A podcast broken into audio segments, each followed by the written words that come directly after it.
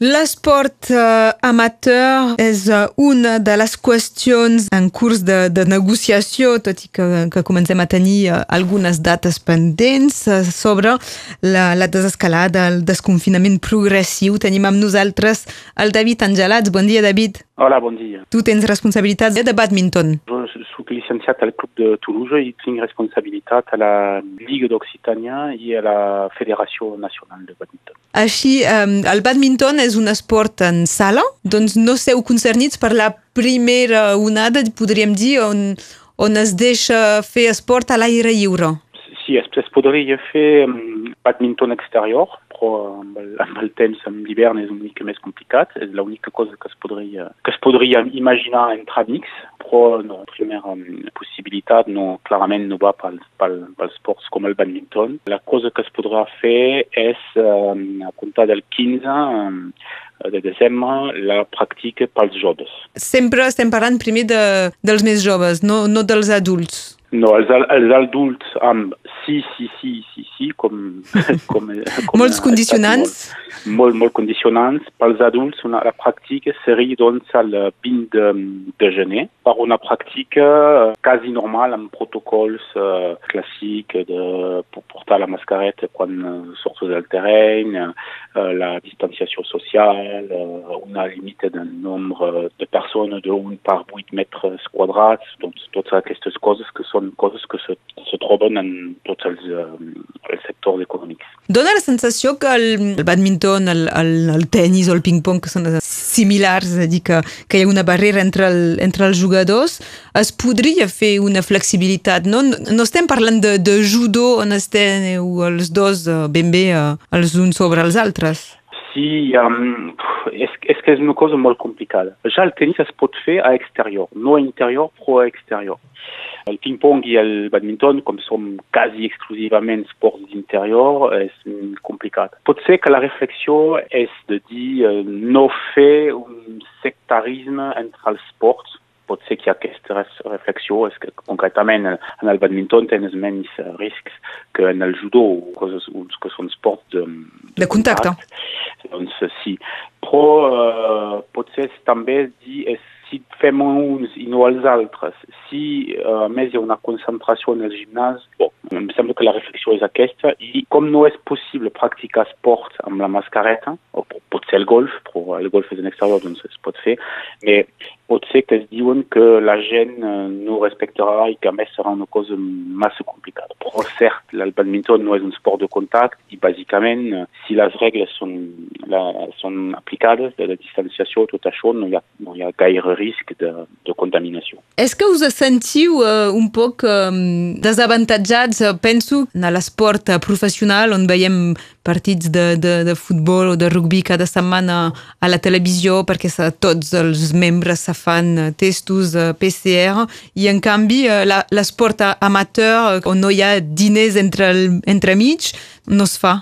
Sí, hi ha, un, hi oui, clarament hi ha una distinció, però la distinció es, es comprèn entre el sport professional que té una, una, una portada econòmica més gran pel sport amateur, però el sport amateur són, són molts, milions d'euros de, també. Els, els atletes um, de nivell olímpic del badminton poden practicar. Bon, a França uh, és la part més uh, amateur i lúdica que no es pot fer, però la, és la mateixa cosa uh, pel, pel sports uh, professionals.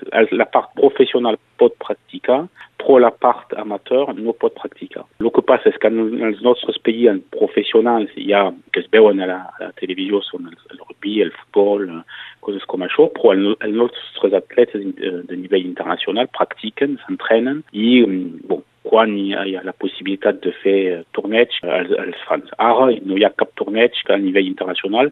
El motiu no és tant el, el Covid d'un punt de, de, de vista sanitari, però d'un punt de vista que els atletes no poden passar anar d'un país a un altre. Els últims uh, torneigs que, que s'han fet al mes d'octubre s'han fet, però els altres, com no hi ha cap aviació, com no hi ha cap... les fronteres són tancades, és, és el que, que, que fa que no hi ha aquest, aquest torneig. Sí, al nivell nacional, com asta el, campió, el campionat l'interclub nacional, el nivell nacional màxim de campionat, el que passa és que aquest a França no és professional, doncs no es pot fer. D'acord. Parlem amb el David Angelats per un esport com el badminton, és, és un exemple que, que es podria evidentment extrapolar a altres esports. És que hi ha clubs que seran o que són ja amb dificultats econòmiques? És que hi ha alguns llicenciats que diuen nosaltres tenim dificultats, doncs si a més no ens podem entrenar és que ens podeu tornar una part dels diners?